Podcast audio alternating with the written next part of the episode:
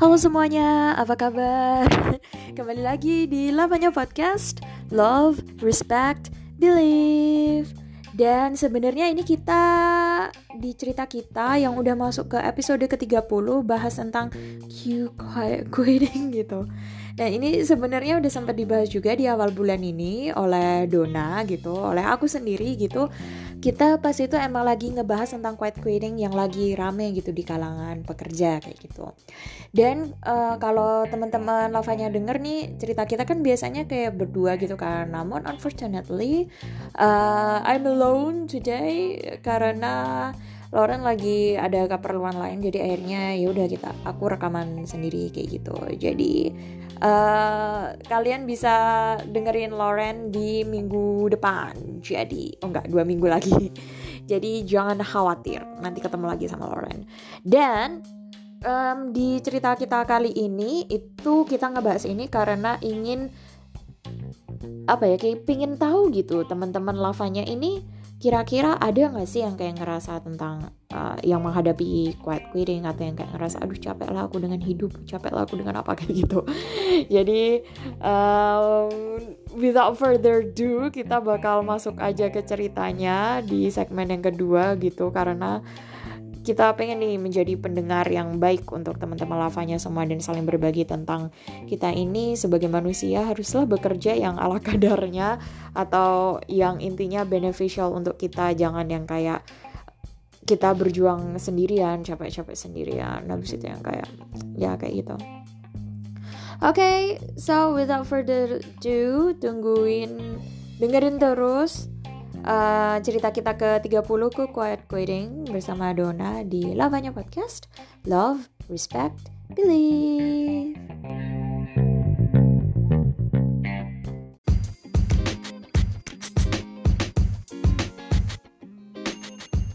Hai semuanya, kembali lagi di Lavanya Podcast. Love, Respect, Believe bersama Dona di cerita kita ke-30 kita akan mulai ngebacain gitu tentang uh, cerita yang masuk di minggu ini kayak gitu. Jadi kita mulai dari cerita yang pertama nih ini datang dari Nexi.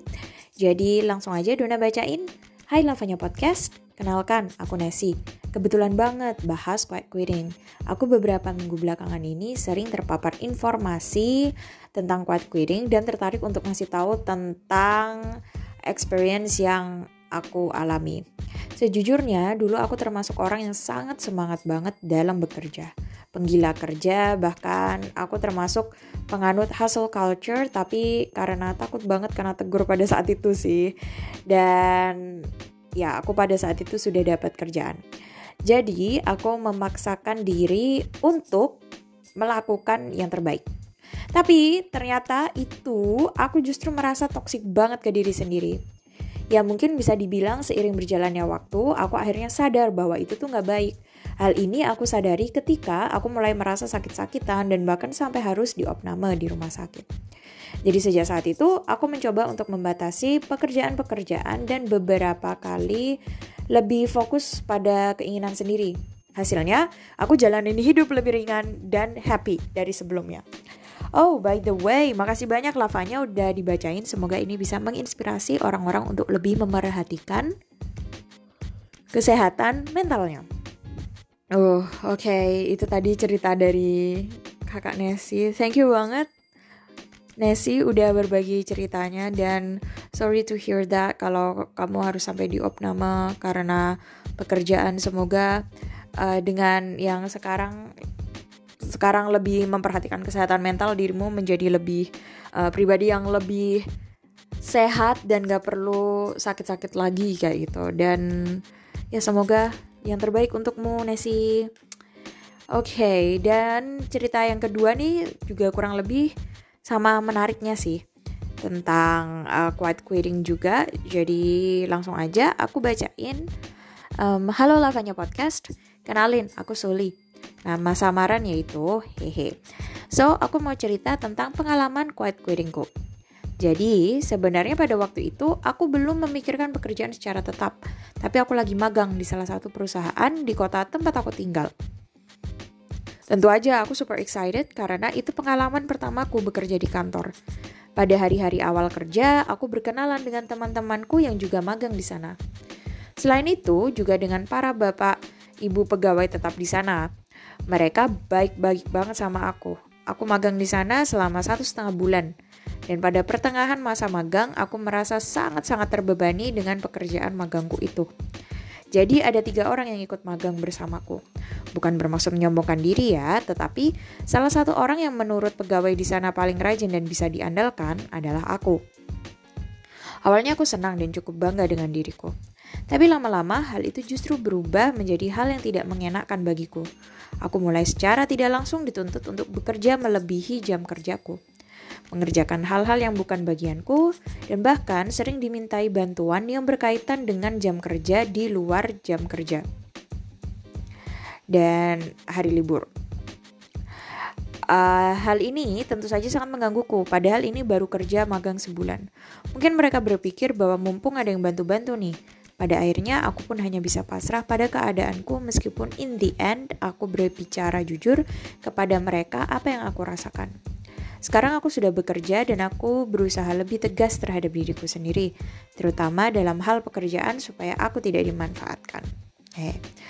Oh, Suli, aku aku nggak perasaanmu karena meskipun aku nggak pernah magang yang magang gitu, tapi sejujurnya aku kayak sering dengar teman-temanku yang kayak ketika mereka magang tuh mereka kayak uh, kayak apa ya kayak nggak bisa nggak bisa bekerja dengan uh, dengan bukan nggak bisa bekerja dengan maksimal justru kayak mereka tuh bekerja terlalu maksimal gitu. Sangat melebihi jam kerja mereka. Jadi uff ya gitu.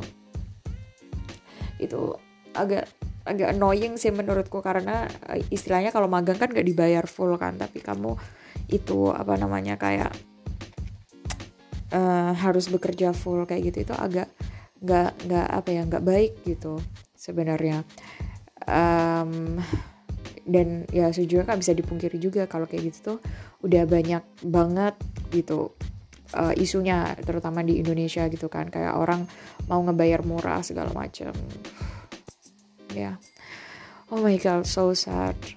Karena kalau bahas kayak gini kalau menurutku pribadi ini agak agak sangat disayangkan sih. Maksudnya uh, padahal tuh perusahaan atau apa itu kan uh, kecuali kalau mereka emang awal banget gitu. Mereka tuh harusnya lebih menghargai orang yang sudah meluangkan waktu untuk mereka dengan cara membayar sesuai pekerjaan mereka kayak gitu sih. Dan ya kayaknya kalau diceritain emang bakal super panjang banget. So itu tadi cerita dua cerita yang masuk dari Nessie dan Suli semoga ini uh, bisa memberikan sedikit apa ya kayak masukan untuk teman-teman lavanya semuanya. Kalau misalnya dihadapkan pada situasi yang kayak gini kalian tahu kalau oh ini tuh sebenarnya nggak baik atau gimana. Kayak gitu. Oke okay, jadi as usual Dona akan menyampaikan summary-nya di segmen yang ketiga. So stay tune terus di cerita kita ke-30 ku quiet quitting di lavanya podcast. Love respect believe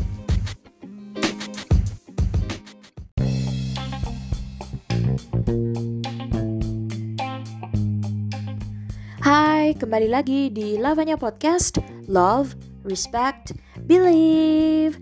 Bersama Dona di cerita kita ke-30 ke Quiet Quitting. Di segmen yang ketiga ini kita akan mendengarkan tentang summary yang masuk gitu.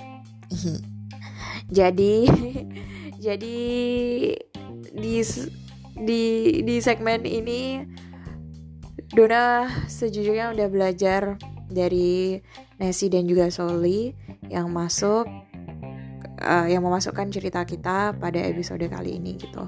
Kurang lebih yang kami tangkap nih. Jadi yang pertama uh, bukan bermaksud egois, tapi memang terkadang kita itu harus memprioritaskan diri kita terlebih dahulu. Karena kalau kita sakit dan stres, karena terlalu banyak bekerja, itu pasti dampak ke depannya itu gak akan baik, termasuk ke dalam pekerjaan kita. Itu dan bahkan nggak um, baik juga untuk diri kita sendiri ataupun juga nanti perusahaan gitu gitu dan yang kedua adalah orang yang melakukan quiet quitting uh, namun masih bekerja dan tidak resign tapi hanya menerapkan beberapa perlakuan quiet quitting ini. Contohnya mengerjakan sesuatu yang hanya merupakan kewajibannya saja. Ini tadi maksud quiet quitting untuk yang uh, bukan resign tapi yang untuk membatasi diri gitu. Jadi yang pertama mengerjakan sesuatu yang hanya merupakan kewajibannya saja. Lalu selanjutnya tidak membuka WA atau hal-hal yang berbau pekerjaan ketika sudah pulang ke rumah.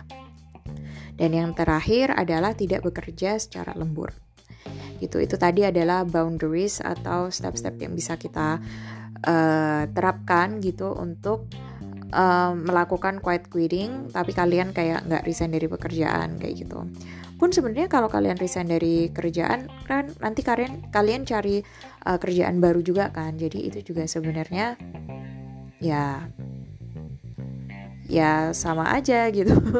Maksudnya cara penerapannya juga sama. Kayak kalian harus sebisa mungkin bisa membedakan waktu istirahat dan waktu bekerja gitu. Supaya kalian gak overload gitu. Kurang lebih uh, cerita yang masuk di cerita kita ke 30 dan BTW kita tuh di uh, minggu depan uh, sorry I mean di cerita kita yang ke-31 kita akan ngebahas tentang diskriminasi umur.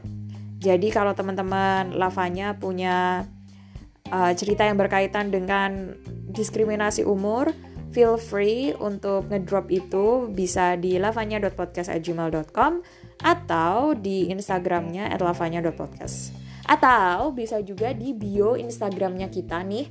Karena uh, di sana kalian bisa punya opsi untuk ngeunggah audio rekaman kalian juga. Terus nanti kalau misalnya kalian ada request aduh mau dong suaranya di apa ditutupin atau gimana? Tenang jangan khawatir nanti bisa diedit.